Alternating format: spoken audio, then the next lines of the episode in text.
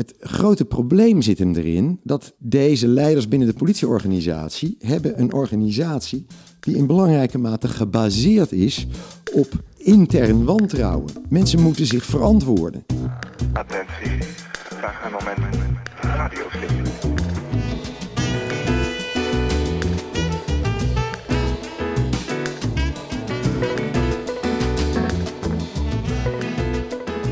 Welkom bij Radio Stilte, de podcast voor politieleiderschap. Ik ben Sophie Gootjes en samen met mijn collega Piet Hein Peters interview ik iedere aflevering een gast over een woord dat voor hen van bijzondere betekenis is. In deze aflevering spreken we meester Ibo Buruma. Hij is sinds 2011 raadsheer in de Hoge Raad en we praten met hem aan zijn keukentafel over het woord vertrouwen. Ibo Burema, we zijn hier eh, te gast bij jou in Nijmegen. Uh, op een mooie nazomerdag in september. Het is toch nog wat geworden met de zomer uh, deze week, zouden we kunnen zeggen.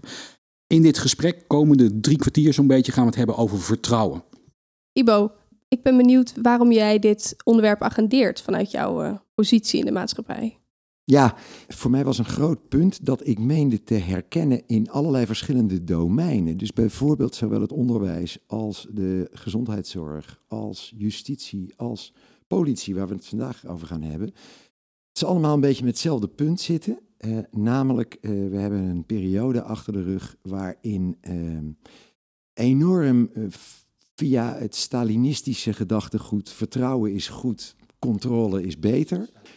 En je zou kunnen zeggen dat dat best wel zeg maar, navoelbaar is en een beetje begrijpelijk, maar het heeft geleid tot een systeem waarin er eigenlijk een voortdurend wantrouwen is. Wantrouwen naar de burger en wantrouwen naar de functionarissen, of ze nou in een bedrijf werken of dat ze bij de overheid werken, dat maakt niet uit. In functionarissen eh, die zich altijd moeten laten controleren of plannen moeten voorleggen en dan moeten zich aan het plan houden. Of gevisiteerd moeten worden. Of uh, geëxamineerd moet. Nou ja, ga maar door. Ik denk dat bijna iedereen dit herkent. En ik denk dat het is doorgeschoten. Omdat heel veel van ons echte leven, niet het leven met de overheid, maar het echte leven, is niet alleen gebaseerd op vertrouwen, maar heeft het ook nodig. Als ik mijn auto laat repareren bij de garagehouder, ja, dan ben ik de klos als ik alles zelf wil gaan nalopen of de garagehouder het wel goed gedaan heeft. En dat is toch ook, hoewel sommige mensen dat niet meer zo voelen, maar toch echt ook zo bij de dokter. Uh, al zoek je het een en ander zelf op op het internet. En het is ook zo in onderwijs. Nou, dat brede beeld, dat er iets begon wat op het eerste gezicht misschien wel oké lijkt. Vertrouwen is goed, controle is beter. Maar dat geperverteerd is, dat is de reden waarom ik het heb opgepakt. Vertrouwen als smeerolie van de samenleving? Vertrouwen als smeerolie van de samenleving. En, en dat betekent dus ook, want ik weet dat soms de vraag dan aan mij gesteld wordt. Uh, hoe kan nou jij als rechter in de Hoge Raad nog wel? Hè? Dat jij nou daarover begint, dat is niet logisch. Want rechters, wetten, regels, Precies, controle. Regels en regels, dat soort dingen. Ja, maar dan, dan, dan misken je één heel groot ding. Dat is precies wat jij net zegt. Smeerolie van de samenleving is wat anders dan datgene hoe de, hoe, hoe de formele kant van de samenleving in elkaar zit. Dus je zou een verschil kunnen maken tussen vertrouwen van mensen onderling, maar ook wel in het normale contact met functionarissen. En legitimiteit of vertrouwen dat ook een stempel heeft van en nu ga je met de overheid om. Dus ik zeg niet dat alle regels overboord moeten, dan zou ik een rare rechter zijn. Dat is niet mijn punt. Ik zeg dat in het echte leven regels niet altijd de doorslag geven. En dat je daar ook naar moet leven als functionaris. Hoe past een woord als, en daar hebben wij ook vooraf met z'n tweeën, Sofie en ik, over gesproken, een woord als juridisering hierin. Is, is dit de ontwikkeling die jij dan bekritiseert of is dat wat anders? Nee, dat is ongeveer hetzelfde. Er zijn meer aspecten aan, omdat je bij juridisering ook denkt aan het leggen van claims en het, en het, en het uh, gelijk echt uh, hard naar advocaten toe doorspelen van een conflict. Mm -hmm. Dus daar gaat het nog niet eens helemaal om. Maar dit is wel een deel van die juridisering, namelijk hoe mensen onderling zijn. En ook, en dat is misschien juist voor de mensen die bij de politie werken het belangrijkste punt, waarvan ze denken wat de bedoeling is. Want ze krijgen heel, uh, de hele samenleving, hè, niet alleen de politie, maar ook als je bij de HEMA werkt, heeft het gevoel ik moet mij kunnen verantwoorden. En het oude idee, ik ben een boomer, je kunt mij niet zien op een podcast, maar ik ben 66. Het oude idee van dat vrijheid zo ontzettend belangrijk is in handelen en dat we ook vrij zijn om te handelen binnen bepaalde constraints, dat begint een beetje weg te zakken. Want mensen hebben het idee van, ja, ik heet wel vrij te zijn, maar zo gauw ik net buiten het paadje loop, krijg ik op mijn flikker. Dus dan loop ik niet buiten het paadje of ik zeg niet dat ik buiten het paadje loop. Want je hebt het nu eigenlijk over mensen onderling en misschien ook wel burgers onderling. Maar juist dat idee voor vertrouwen staat eigenlijk heel erg onder spanning tussen juist overheid en burger. Ja, het gaat dus niet alleen tussen burgers onderling en tussen burger en overheid. Maar het gaat ook tussen overheidsfunctionarissen onderling. Dus tussen de baas van de agent op straat en de agent. En het, dat is het interessante van het hele thema vertrouwen en waarom ik het zo belangrijk vind, dat thema. Dat is dat het op verschillende niveaus zit. En als je er te snel over nadenkt, dan denk je dat het alleen gaat over dat mensen eh, elkaar weer lief moeten vinden. Een oude hippie. Ook belangrijk. Of, ook belangrijk, zo is het. Uh, of dat het gaat, burgers vertrouwen de overheid niet meer. Dat is en andersom? En de overheid de burger niet. Dat is inderdaad een ontzettend belangrijk punt waar we op door moeten praten. Maar voor een stukje zit er ook een verklaring in. Omdat iedereen langs dit mechanisme werkt, is die agent die eigenlijk best vertrouwen wil geven aan die jongen of dat meisje op straat. Die denkt, dat kan ik toch niet doen, want dan moet ik dat verantwoorden naar naar, naar boven mij. En daarmee zitten we vast. Ja, het roept bij mij een gevoel van benauwdheid op. Enorme benauwdheid. Dat, dat is dat, dat, die, die bestuursrigiditeit waar, uh, hoe heet die, Cenk Willink het ook zo over heeft. En ja. die, die verkalking eigenlijk waar we mee zitten. Wat is voor jou, omdraaien, wat is voor jou vertrouwen? Als jij dat zou moeten definiëren, dat moet je nu even. Wat, wat, hoe zou je dat dan doen? Wat is vertrouwen? Nou, dan is vertrouwen dat je ervan uitgaat dat degene met wie je te maken hebt, die je dat vertrouwen geeft, het in beginsel wel goed bedoelt. Een goede intentie heeft. Een goede intentie heeft. En dan weet je wel dat er iets mis kan gaan. Maar soms is die intentie belangrijker. Misschien komen we daar nog later in het mhm. gesprek op terug. Maar ik denk dat het, om hier goed mee om te gaan, ongelooflijk belangrijk is voor ogen te houden dat je in langer durende relaties, maar dat geldt ook voor een wijkagent die een langer durende relatie in mhm. zijn wijk heeft, is vertrouwen soms belangrijker dan de vraag of er iets een beetje misgaat. Soms is de uitkomst dat hij niet goed was. Ach, neem je verlies. Het vertrouwen geven was belangrijker. Ik snap ook wel dat dat niet geldt voor het vertrouwen geven aan de vent die aan de knoppen zit in Tsjernobyl. Als je die niet ook controleert, ontploft een kerncentrale. Dat wilden we niet. Dat was fout. Want dan is de verhouding tussen de duur, de relatie die, die dat vertrouwen nodig heeft, is daar veel minder belangrijk dan, laten we zeggen, de effectiviteit van het handelen in wie je dat vertrouwen stelt. Dus hoe groter het gewicht het risico, is, het risico is, hoe meer reden er is om te controleren. Maar dus ook omgekeerd mag je dat zeggen. Nou niet zo heel vreselijk is, hoef je dat niet allemaal voortdurend te controleren. Klopt het inderdaad dat de ander het altijd goed met je voor heeft? Nee. Eigenlijk niet. Nee. En toch zeg maar, jij... Nou even. dit is natuurlijk buitengewoon fundamenteel in het leven zelf. Als je als liefhebberij hebt gebokst, of als je als liefhebberij hebt gebridged, het zijn nogal verschillende dingen. Of als je aandelen belegt, dan weet je dat je klappen krijgt dan weet je dat je wel eens een verkeerde snit, zo heet dat bij bridge, doet. Dan weet, het, weet je dat je wel eens geld verliest. Ja. Dat kun je hebben, want je weet ook omgekeerd dat dat het waard is. Ja. En dat, zo is het ook met dat vertrouwen. Natuurlijk word je soms geschaad, gescha teleurgesteld. teleurgesteld. Ja. Natuurlijk. En dat is ook een lesje voor de volgende keer. Maar dat betekent niet dat je het niet moet doen. Want dat boksen of dat bridge, dat is net te leuk om, om, om daar toch maar mee door te gaan. Maar in de voorbeelden die jij helemaal aan het begin noemde, je had het over de dokter, de onderwijzer of de politieagent. Ik, dat zijn voorbeelden. Als je daar dan een keer een verkeer, je stelt er uh, vertrouwen in die publieke professional bijvoorbeeld. Ja. Um, en dan valt het tegen. Ja. wat kan gebeuren. En dan zeg jij, ja, maar toch is, moeten we vanuit dat vertrouwen blijven denken. Terwijl als we het gaan controleren, we minder kans lopen, zou ik kunnen denken als burger, op dat het fout gaat. Ja, ik kan me ook indenken hoor, dat, dat eh, eh, rechercheurs eh, die met zwaar georganiseerde misdaad bezig zijn, dat die toch een paar dingetjes meer moeten laten controleren dan de agent die eigenlijk vooral er is om vrede in een wijk te bewaren.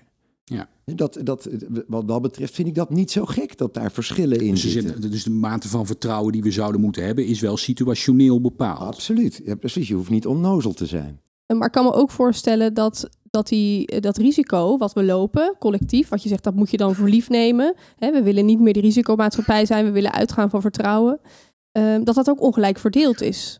Ik weet dat eh, uit studies blijkt statistisch dat mensen met een hogere opleiding structureel betere zorg krijgen, omdat ze beter in staat zijn om wedervragen te stellen, om, om eh, nou ja, goede, goede informatie uit te wisselen. Dus wat, wat doe je daar dan mee? Want dan, als je zegt, nou, die risico's die moet je voor lief nemen, die, die gaan we meer accepteren.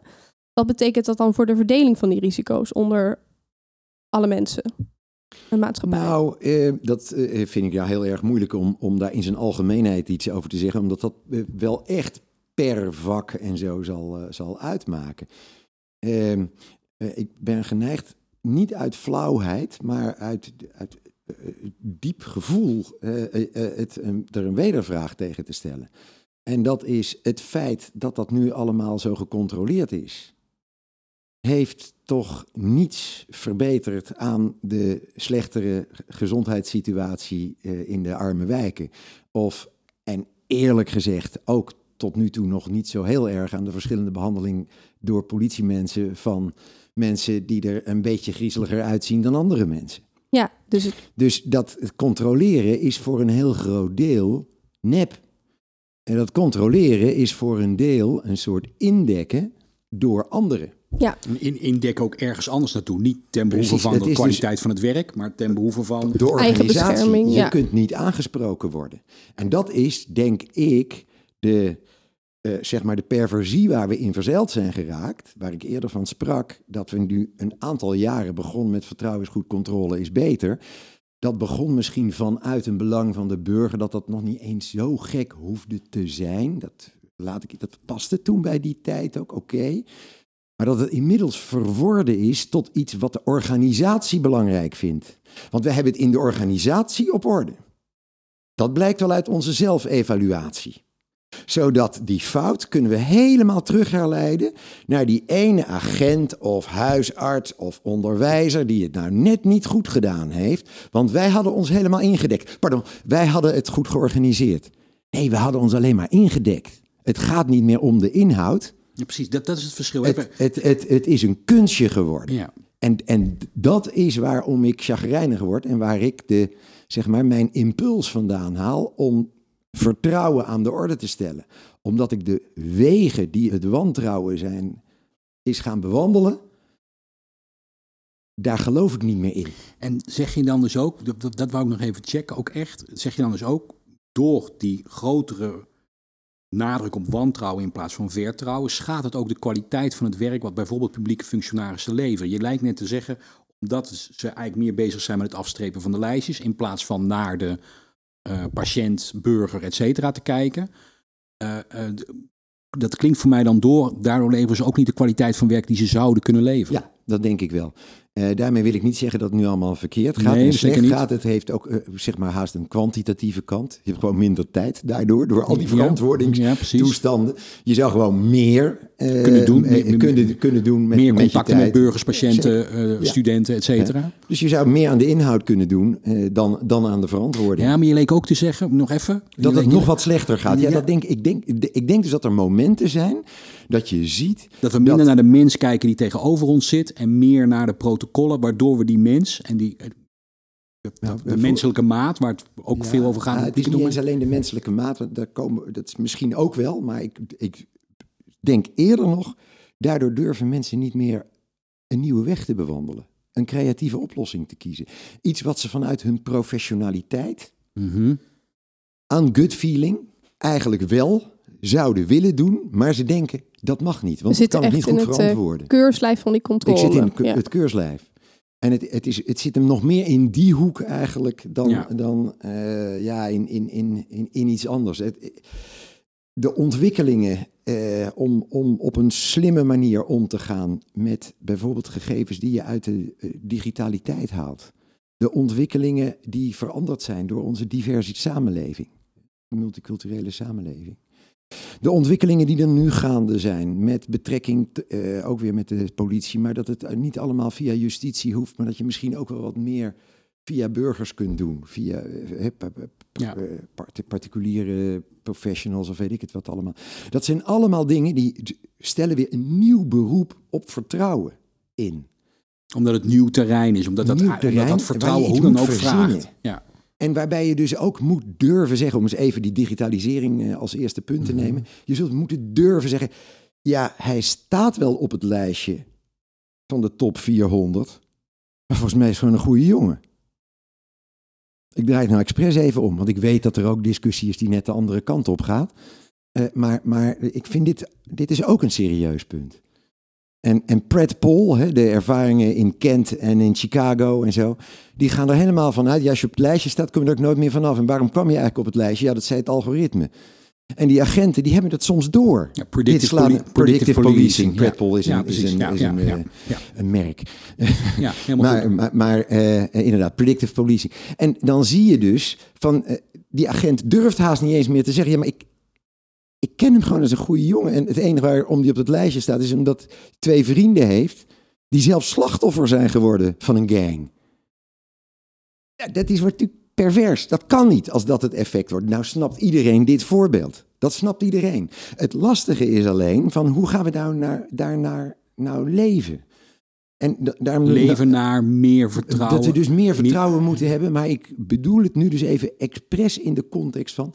gegeven dat de digitalisering ons voor nieuwe vraagstukken Ja. stelt... en enige creativiteit zal eisen... ruimte vraagt. en dus ruimte vraagt. En juist die ruimte vraagt vertrouwen. Omdat je in een nieuwe ruimte terechtkomt. Je eigenlijk niks anders. Je hebt, er zijn nog geen regels, er zijn nog geen protocollen. Dan heb je vertrouwen nodig. Dat is dan het enige bestanddeel dat je hebt om met elkaar te kunnen werken. Ja. Fijne gesloten vraag. Maar het antwoord is ja. Ja. Ik ben ook wel benieuwd waar dat vertrouwen dan vandaan moet komen. Waar begint het? Eh, eh, Dat begint eh, bij het krijgen van vertrouwen. Als je geen vertrouwen krijgt, geef je, het, geef je ook geen aanleiding de andere kant op. Nee, maar ik kan me voorstellen dat het moeilijk is. Kijk, de, de overheid heeft, nou ja, heeft wel wat aan vertrouwen ingeboet de afgelopen tijd. Hè? Met, met inderdaad de, de, de toeslagenaffaire, eh, ministers die nu opstappen naar de lobby gaan, eh, waar veel kritiek op is. Dus, dus heeft die burger eigenlijk wel genoeg reden om dat vertrouwen aan de overheid te geven of aan overheidsfunctionarissen? Ja, dat is een, een mooi punt. En hier zie je dus het grote verschil tussen eh, mij als eh, rechter eh, en eh, als je dezezelfde vraag zou stellen aan een politicus. Want politici denken altijd in algemeenheden. En dat is ook een soort van gewoon geworden in media en zo, om in algemeenheden te spreken. Mhm. Maar wij rechters kijken naar het hele concrete geval. Ik geloof dus niet zo in de rechtstreekse betekenis van vertrouwen in de overheid is minder geworden. Ik geloof in de vraag, hoe staat het met het vertrouwen in die agent die hier loopt? Of die onderwijzer Of die onderwijzer. En als je die agent nooit hebt zien lopen, nou, dan zou ook niet zo heel vertrouwen aan geven. Dat wil ik zo eh, aannemen. Dat kan best zijn dat je dus een netto vermindering van vertrouwen hebt. Best iets over te zeggen verder, hè? maar nu even voor dit themaatje. Ik geloof dus niet zo in die hele brede dingen van de toeslagenaffaire dus. Dat geeft wel een knauw aan mensen. Natuurlijk geeft dat een knauw. Versta me alsjeblieft niet verkeerd. Maar of dat een rechtstreeks gevolg is op of ze vertrouwen hebben in iets wat die agent zegt, of iets wat die dokter zegt, of zelfs die persoon aan het loket van de Belastingdienst. de Belastingdienst. Ja. Zelfs daar, dat is dan weer in een andere context. Dan, ja, dan werkt dat anders. Maar ja, je ziet wel dat het andersom ook effect heeft. Je hebt bijvoorbeeld nu in Amsterdam hè, dat, de, dat de gemeente wil dat er burgerwaarnemers eh, mee gaan kijken met, eh, met agenten. Voor, eh, ten behoeve van het voorkomen van etnisch profileren. Ja, nou, ik, ik, ik geloof dat je het niet kunt zien als ik nu zit te hoofd schudden. Maar Daar ga je Ik, even eh, hoofd schudden. ik, ik schud hoofd. Ik schud het hoofd. Ik, eh, Ja, ik heb daar gewoon wel erg veel moeite mee. Want dan denk ik, hier slaat het nou wel zo ontzettend door. Dit, dit is echt het voorbeeld van je zegt, dit moeten we niet hebben. Dit moeten we niet hebben. Dit moeten we echt niet hebben. Eh, en waarom vind ik dat we dit niet moeten hebben? Nou, het is al echt heel wat als je vanuit het reële, het echt reële punt van het etnisch profileren. Dat doet al pijn hè, bij sommige politiemensen als ik dat zeg. En ik vind dat een, etnie, eh, ik vind dat een reëel punt. Maar dan vind ik het dus al heel wat als je zegt, en dat moet gecontroleerd worden. Terwijl ik het een reëel punt vind. Maar dat sluit aan bij dat aspect van ja. Die controle lost dan... zit- eh, controle lost niet altijd alles op. nee, Hè? Maar goed, eh, ze hebben ze nu een, een, een, weg gevonden. Maar dat, dat ga- kan dan nog. Maar om dan nog een stap verder te gaan, dan moeten de controleurs weer gecontroleerd worden. Kom nou toch, dan zijn we meer bezig met controleren dan met waar het eigenlijk om gaat. Maar als je dan zegt, hè, dat risico wat, er dan, eh, wat je hiermee uit probeert te sluiten, is, is het negatieve effect van etnisch profileren. Ja. Dus je kunt zeggen, het heeft geen zin om dat te, te laten controleren en dat controleren weer te laten controleren. Maar ik kan me wel voorstellen dat bij burgers die zich daar terecht zorgen over maken, wel het voelt, ja, waarom moeten wij dan dat risico incasseren? Want zij lopen dan uiteindelijk dus dat risico om geprofileerd te worden, of dat dat niet Zeker. verandert. Maar ik geloof helemaal niet dat, dat deze maatregel dat probleem oplost. Het enige wat het doet, is het eventueel zinlozer maken van het preventief fouilleren. Nou, misschien is dat ook helemaal niet zo erg. En als dat de eigenlijke bedoeling is, dan is daar nog iets voor te zeggen. Maar ik geloof dat dat nou juist niet het punt was. Nee. Hè, dus, dus ja, eh, het etnisch profileren zal dan echt wel doorgaan op die eh, autoweg. Eh, of eh, dat het niet etnisch profileren heet, maar dat je gewoon naar een hotspot gaat. En een hotspot is toevallig een plek waar wat meer zwarte mensen rondlopen. Dus het, dus het laat voor jou zien, eh, en wat je net ook zegt, dat controleren bijvoorbeeld in deze casus helemaal niet bijdraagt aan het oplossen van het eigenlijke probleem. Nee, het is louter een indekken van het systeem. Het systeem maakt zich, probeert zichzelf verantwoorder te maken. Ja. zonder te kijken naar waar gaat het eigenlijk om. Ik vind wel dat de politie echt iets moet doen aan dat etnisch profileren. Oké, maar dan, precies dat. Dan draaien we het om. Nu vanuit vertrouwen. De, jou, vanuit jouw pleidooi en dit probleem. Jij zegt, deze manier kijken bij deze casus van eh, het kritisch bekijken van overheidsfunctionarissen en het controleren daarvan. Zeg jij, moeten we zo niet doen. Maar dan gaan we op jouw pad van vertrouwen. Wat is dan, wat doen we dan in relatie tot etnisch profileren in Amsterdam, waar we het nu even over hebben? Ja, ik zit hier met het wat lamme punt dat ik er tamelijk van overtuigd ben dat het dat hier dus echt voorop staat. Zeg maar de cultuur die er op een gegeven moment op een bepaalde plek bestaat. Ik denk dat dat verschuift. Ja. Want de cultuur verschuift geleidelijk aan. Te langzaam naar de smaak natuurlijk van de mensen die het betreft. Maar het verandert wel.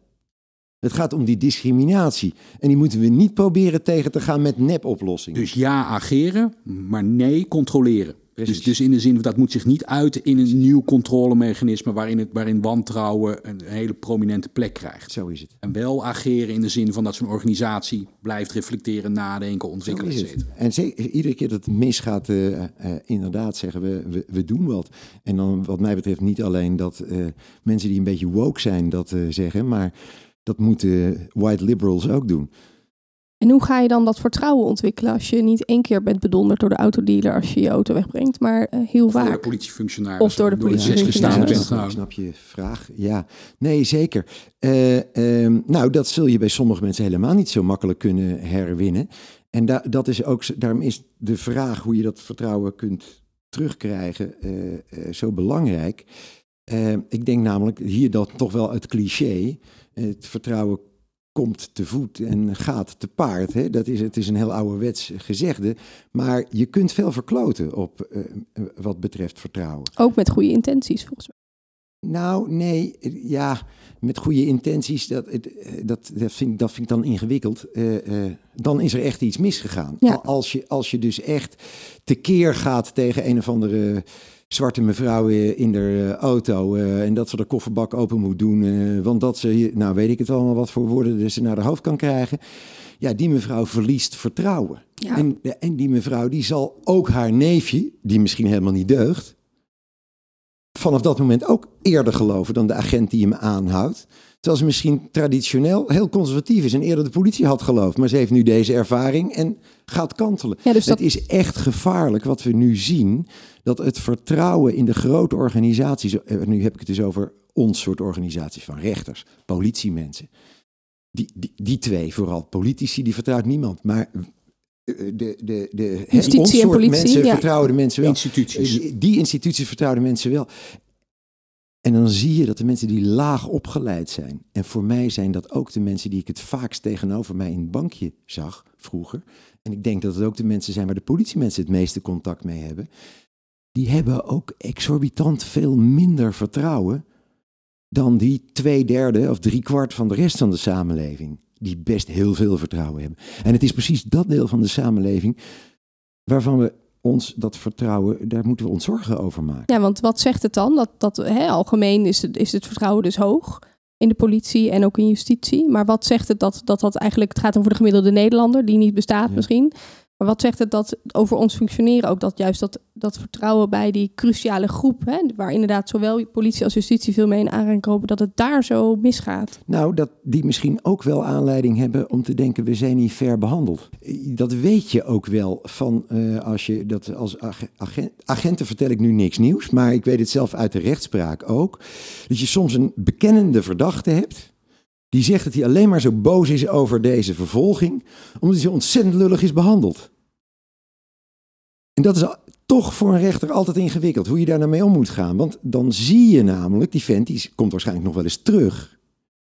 En eigenlijk neemt hij de politie en justitie wel serieus. Maar hij vindt wel dat er op dit punt, daar moet hij nou toch wel een fair antwoord op krijgen, want...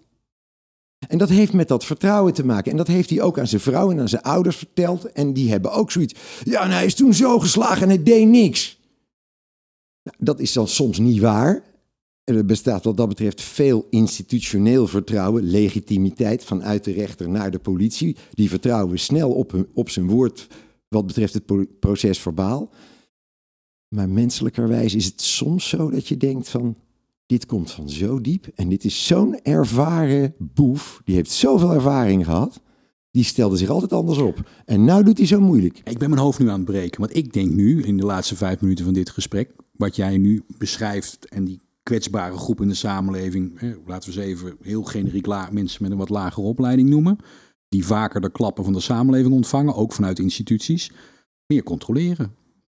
Zodat die groepen beschermd worden. Nou ja, dan moet je dus, als er zo'n claim is, moet je naar aanleiding van die gebeurtenis misschien dat uitzoeken. Ja, Maar het uitzoeken Maar- achteraf, eh, naar aanleiding van een incident waarover geklaagd is, is van een heel andere orde dan als een soort derde schuurman op het schip meewandelen. ja precies. Dus de- in plaats van een systeem optuigen wat vanaf dat moment gaat proberen om alle politiemensen op eh, hun in de vingers te kijken. ka- of dat dat niet nog een keer gebeurt. Nee, nee. Dat, dat, daar zit het dan. Dat is van een dan andere gaan orde. Dat is van een Ja. andere orde. Maar dan lijkt je dus te zeggen, en dan kom ik in mijn hoofd, merk ik terug ook helemaal naar het begin van het gesprek van wat vertrouwen dan is. Dan lijkt je ook te zeggen, fouten mogen gebeuren. Publieke professionals, bijvoorbeeld politieagenten bij etnisch profileren, waar we toen net Ja. even over hadden rond burgerwaarnemers, maar ook in andere gebeurtenissen, bij met gebruik van geweld of wat dan ook. Mensen, dat hoort bij een samenleving. Dat lijkt je te zeggen. En achteraf hebben we dan een systeem wat dat kan corrigeren of fouten kan, eh, kan Ja. constateren en daar straf op kan geven. Maar we gaan, moeten niet gaan proberen om dat via een controlesysteem uit te sluiten. Perfecte samenvatting, dat bedoelde ik te zeggen. En daarop doorvragend, we spraken in een eerdere podcast, Sinan Chankaya, die zei ja, het is, het is, het is iets anders als de bakker mij eh, discrimineert dan als een agent dat doet. Heeft hij daar niet ook dan een, die heeft daarin een andere verantwoordelijkheid, want hij heeft meer macht. Maar hoe zet je dat dan tegen elkaar af? Want eh, Nou, dat de eh, organisatie van bakkers volgens mij niet ergens in een van de hoofdpunten heeft... wij moeten niet meer discrimineren. Terwijl de organisatie van de politie heeft wel inmiddels allerlei... Zijn, zijn allerlei maatregelen aan het nemen om te proberen dat er niet gediscrimineerd wordt. Het is zo verrekt moeilijk blijkt in de praktijk. En zeker als je, eh, als je een beetje meedenkt, een beetje woke bent, kun je al zeggen, ja, waarom is het eigenlijk zo moeilijk? Maar goed, dat blijkt moeilijk te zijn, akkoord. Maar dat is wel het antwoord op de vraag, verschil tussen bakker en politieagent. Je moet er als organisatie wat aan doen, maar de weg is niet om elke agent op zijn vingers te kijken voortdurend. Het nare is natuurlijk dat als je aan de andere kant kijkt, de burger die dit overkomt, de zwarte of de moslimburger die dit overkomt, die zal zeggen, ja, maar het is niet enkele fouten. Want Nee. ik, ik heb het minstens zes keer per jaar. Ja. Hè, oh, hè, om, om, om maar eens even een slag in de lucht te doen. Ehm, dat is waar. Dat klopt. En daar heb ik eigenlijk niks fatsoenlijks op terug te zeggen. Wat ik eerder zou denken is dat je daaraan ziet dat datgene wat je doet, wat dat risico van dat etnisch profileren of zoiets met zich meebrengt, moet je heel erg afwegen tegen de feitelijkheid van het etnisch profileren. En daar bedoel ik mee, op het moment dat je invoert dat er mensen preventief gefouilleerd kunnen worden, zomaar, moet je weten dat dit een keerzijde is. En dat moet dus een afweging zijn bij de vraag: wil ik dan wel preventief gaan fouilleren? Als je zegt: wij moeten auto's kunnen controleren, daar gebeurt ook etnisch profileren. Dat heet de dynamische verkeerscontrole, hè? maar, maar eh, dat gebeurt daar ook bij. Dan moet je weten van: willen wij dit nog wel zoveel? En als je dan zegt van ja, dat willen we in die en die provincie, omdat we daar bijvoorbeeld eh, zus of zo reden voor hebben. Prima, maar dan heb je het onder ogen gezien en dan weet je dat je hiermee dus mensen tekort gaat doen, structureel gezien. Dat is geen vrijbrief aan mensen om te gaan etnisch profileren. En je kunt ook natuurlijk achteraf zeggen, en daar treden we tegen op, want Piet Hein is nu wel erg vaak aan het etnisch profileren. Dat, dat, tuurlijk, dat kan je doen. Maar je moet beseffen dat je op een groter niveau misschien die hele maatregel niet moet nemen. Nee, dus je zegt, hè, inderdaad, de, de, de burger moet misschien ook wat meer ruimte laten aan die professional hè, en vertrouwen geven. Maar ook de regels die we vanuit instituten of overheid maken, die, daar moeten we ook goed naar kritisch naar kijken. Ja, die moeten omgekeerd rekening houden met het feit dat dat in de praktijk mis kan gaan. Ja, precies. En dat je dus voor, ik bedoel, dat vraagt eigenlijk denkkracht vooraf. Ja, dat is exact de denkkracht. inschatting- Dat was ook altijd een van de belangrijke redenen om tegen preventief fouilleren te zijn. En, en Omdat je, omdat je wist, omdat je, wist, zag, mensen gaan, dit agenten eh, eh, gaan dan eh, ja, jonge mannen inschatten. En liefst jonge mannen die misschien niet veel geld hebben. Nou, er is een lange tijd geweest dat jonge mannen die niet veel geld hadden en jonge mannen met een kleur, dat die twee categorieën erg ver over elkaar heen liep. Nu is dat aan het veranderen. Ja. Alsof het toen geen pijn deed, overigens, want dat deed het toen ook. Ja. Maar nu zijn mensen wat Ja. eh, zijn zelf hoog opgeleid eh, met een kleur en, eh, En kunnen daartegen ageren. Ja. Ja. Ja. Dus waar Sofie en ik al voor deze podcast ons hoofd over braken, was van ja, wie dan? Waar begint dit? Waar? Want het, het lijkt zo'n lastig. ont- Het is ook een soort, alsof je in een soort spiraal naar beneden zit. Ja, dat is ook zo. Dat is ook zo. Dat is dus ook wel echt ongelooflijk ingewikkeld. En juist ook voor de, het leiderschap binnen de politie is dit denk ik heel ingewikkeld. En daar speelt een belangrijke rol bij dat als je, eh, voor, om het plaatje eerlijk te maken, als je met veel mensen die zelf tot dat leiderschap van de politie horen spreekt, eh, dan spreek je met mensen die zich dit, wat ik zojuist zei, maar al te goed realiseren. Ja, Dus in zoverre lijkt ik een open deur in te trappen. ja, Het grote probleem zit hem erin dat deze leiders binnen de politieorganisatie hebben een organisatie die in belangrijke mate gebaseerd is op intern wantrouwen. Mensen moeten zich verantwoorden. Voor een stukje hebben de juristen daarvoor gezorgd. Doordat de juristen zeiden, ja, bij bepaalde opsporingsbevoegdheden moet je dat netjes invullen. Dat staat dan in de wet en weet ik wat niet allemaal. Voor een stukje zit het er ook in dat je binnen de politie zelf eigen regels hebt geschapen. Maar het levert een totaalpakket op dat al die mensen die lager in de organisatie zijn, denken en, en met reden denken, ik moet me verantwoorden. ik word En- gecontroleerd. Ik word gecontroleerd. En dat betekent dat je daar eigenlijk niet makkelijk van afkomt. Want zij zelf worden niet vertrouwd. Dus laten we zeggen, degene die teamchef is, wordt gecontroleerd. Maar die weet dat als hij nou zijn ondergeschikte niet ook controleert, kan hij worden aangesproken dat zijn team, dat daar dit of dat in gebeurde. En, enzovoorts. En daar zit hem volgens mij een enorm probleem. Want wij lijken, en nou is echt opa verteld, maar wij lijken het oude systeem dat je als superieur je ondergeschikte zelf misschien wel op zijn zak geeft, maar altijd ervoor gaat dat jij hem afdekt, volkomen kwijtgeraakt te zijn. Dat is niet meer hedendaags, dat, dat is niet goed of zo. En toch zit hem daar het punt. Die mensen die beginnen zich dus onzeker te voelen, Ja. want ze worden niet gedekt. Onveilig. Onveilig. Want ze worden niet gedekt door hun superieur. Want het is toch zo logisch. Die, die superieur zegt, ja, ik kon niet helpen. Want ja, hij liep daar alleen op straat. En ja, dan is hij aan het discrimineren. Of hij is heel erg rigide in zijn toepassing van zijn, van zijn straf. Of, nou, verzin maar wat, wat, wat hij allemaal verkeerd kan hebben gedaan. Of, of hij heeft tijdens dat opsporingsonderzoek een fout gemaakt. Helemaal niet meer vanuit het idee dat die mensen een team vormen een team waar je inderdaad die teamchef kan aanspreken, zoals je Van Gaal kunt aanspreken op, bij het voetballen. Maar je zag toch allemaal dat die ene voetballer die bal door zijn handen liet, die, die keeper de bal door zijn handen liet eh, glijden. Die- je, het gevoel dat je dan als Van Gaal niet alleen maar zegt die keeper deed het verkeerd, maar dat je dan juist zegt van hoor eens eventjes, dus bij ons, wij gaan nog meer hier en hier op eh, werken. Dat lijkt af te nemen. Dat, en ik denk dus dat je dus als leiders binnen zo'n organisatie, dat je dus zelf meer als het ware, ik toch eerlijk is eerlijk, meer moet binnenhouden. Lees, minder transparantie. Niet zeggen, Pietje deed het verkeerd, Klaasje, Fatima, Ahmed. Maakt mij niet uit wie het verkeerd deed. Binnen ons team is er iets misgegaan. Ja, het is mooi zeg, je wil gewoon dat die politiemensen de boel gaan afdekken. Fouten die ze maken. Absoluut. Ja, vanuit dit punt absoluut. Ik maak het nu ietsje Ja, ja, kleiner, ja. omdat ik het. eh, Ik, ik, ik kan natuurlijk nooit ontkennen dat je op een gegeven moment bij de behandeling van een individuele zaak. kan het zijn dat je gewoon wel boven water moet krijgen of het nou waar is. Of van de verdachte de spieren van zijn schouderblad zijn afgescheurd tijdens de arrestatie. En daarvoor zul je inderdaad er niet omheen kunnen dat je niet naar het team kijkt, maar welke agent hem nou eigenlijk hoe vastpakte in dat busje.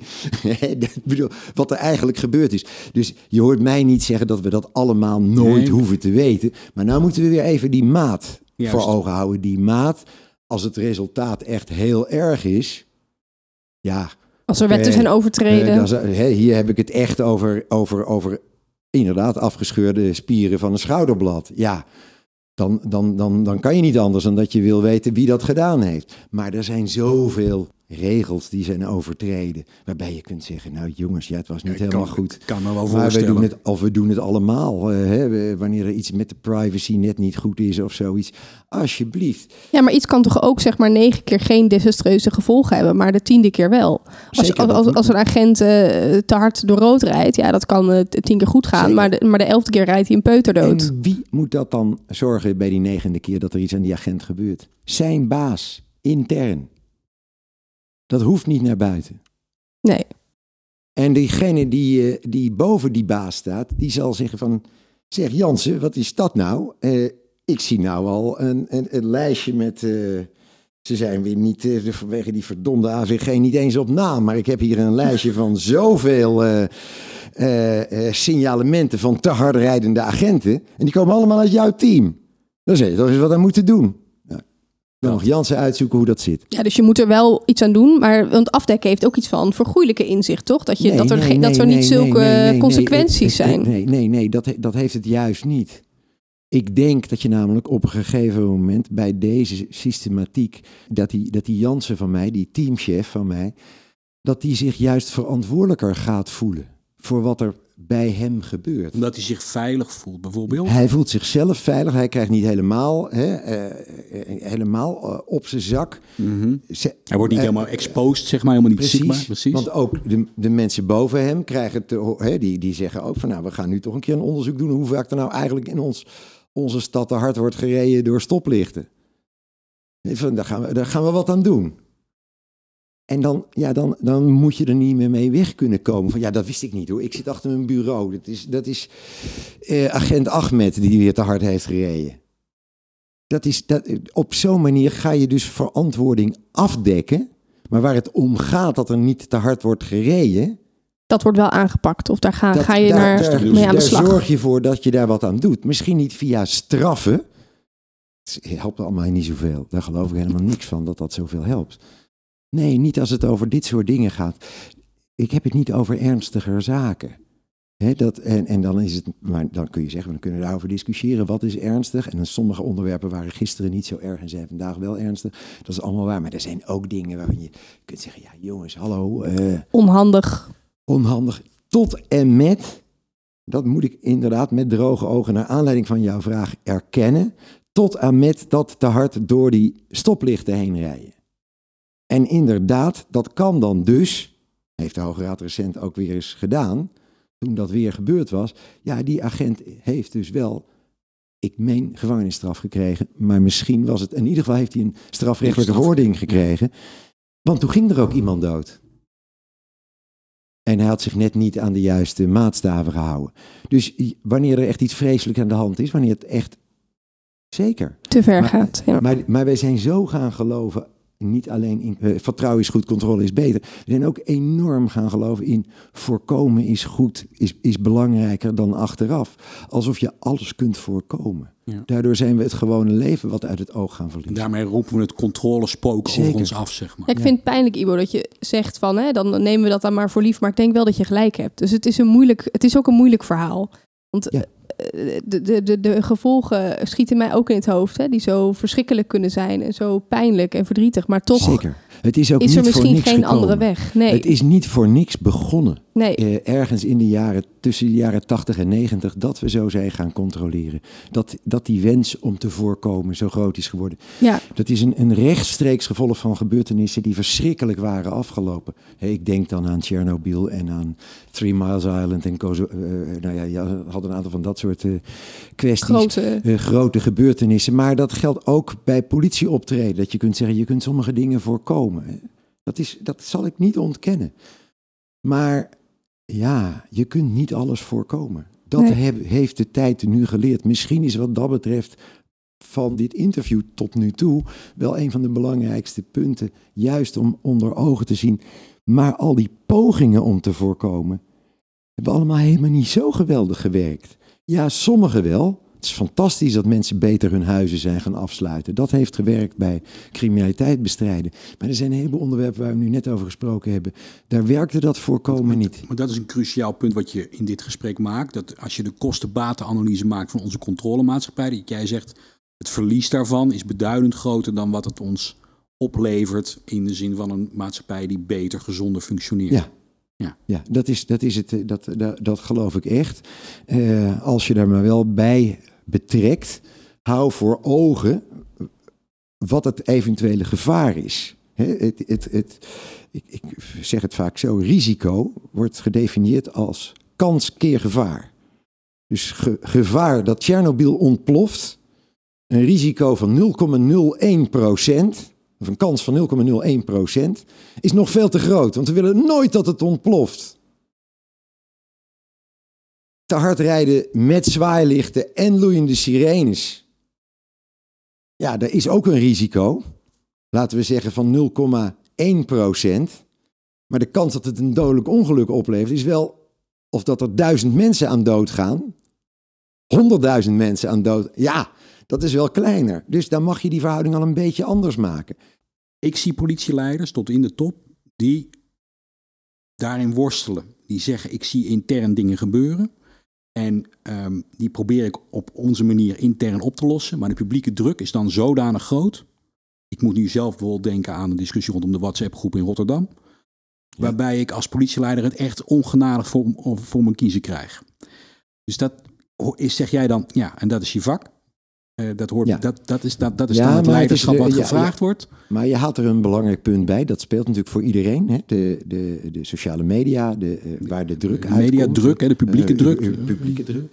Maar in ieder geval, voor zover het iets vreselijks is wat er is gebeurd, wil ik je best toegeven. Ja, daar is die politieleider voor. Die moet niet denken, dat kan ik altijd voorkomen. Ja. Dat is de verkeerde reflex. soms sta je Ga daar vol- goed mee En om. dan sta je vol in de hit en dat hoort, dat hoort bij Dat je hoort erbij. En wat dat betreft eh, eh, zal de heer Rutte dat eh, denk ik ook met me eens zijn. Die is misschien soms wat erg snel met excuses aanbieden. En dan gaan we weer over tot de orde van de dag.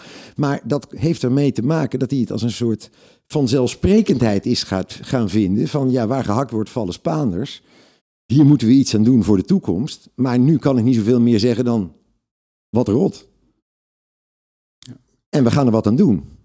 Maar daar gaan we niet eindeloos over mieren. Nee, dat was gewoon verkeerd. Daar, daar hoeven we het helemaal niet over te hebben verder. Nou, dan, sommige mensen zeggen dan, hebben het dan over de Teflon premier. En dat kan ook op, soms een beetje irritant worden. Dat kan ik niet ontkennen. En toch zijn die leiders die een paar niveaus lager staan, de minister-president van Nederland, moeten op dat punt een klein beetje van die, van die mentaliteit overnemen. Ja. En niet dan niks doen. Ja, dat is helemaal niet de bedoeling. Ik ga kijken wat ik daaraan ga doen en ik ga er wat aan doen. Ja. Punt. Zoef. Teflon chef. En dan kan hij binnenshuis misschien verschrikkelijk hard schelden. Dat weet ik niet. Dat moet hij weten of zij. Eh, dat, dat zullen we wel zien. Maar dat hoeven wij niet allemaal te weten. Daarin is die transparantie doorgeschoten. Juist. Slotvraag. Helemaal terug naar het begin. Vertrouwen. Jouw vertrekpunt is: mensen hebben goede intenties. Is dit de liberal Buruma die dan die daar zomaar van overtuigd is? Want er is toch ook een hele stroming, ideologische stroming, conservatisme. Wat meer conservatieve mensen zeggen dat de mens juist inherent slecht is. Tot het slechte geneigd. Dus wat maakt, terwijl dat eigenlijk het fundament is onder die hele redenering. Dat wij in principe te vertrouwen zijn, dat wij het goede willen doen. Waar is dat op gebaseerd? Eh, eh, eh, waarschijnlijk is het gebaseerd op mijn overtuiging dat het de beste manier is om in een samenleving verder te komen. Ik ben altijd dol geweest op de uitspraak van een toneelstuk van Tennessee Williams. Dan zegt een hoertje die het slecht heeft gehad in haar Streetcar Named Desire, Ja. dat stuk. Ja. En dan zegt een Een hoertje... geweldige Elizabeth Taylor in de speelfilm Ja, overigens. En die, en die zegt dan: eh, I've always depended on the kindness of strangers. En dan begrijp je als kijker dat dat natuurlijk niet best was. Want voor een hoertje in die tijd was the kindness of strangers niet altijd goed. Maar ze leefden ernaar. Want als ze daar niet naar leefden, dan werd het helemaal niks. Dus het is misschien een beetje een cynische blik waar deze ogenschijnlijk erg liberal benadering vandaan komt. Maar je hebt niks aan dat wantrouwen. Juist. Vertrouwen is gewoon de beste weg. Zo is het.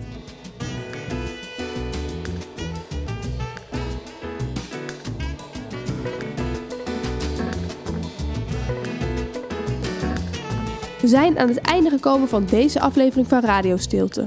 Mocht je naar aanleiding van deze podcast vragen of opmerkingen hebben, dan kun je deze mailen naar politieleiderschap. Bedankt voor het luisteren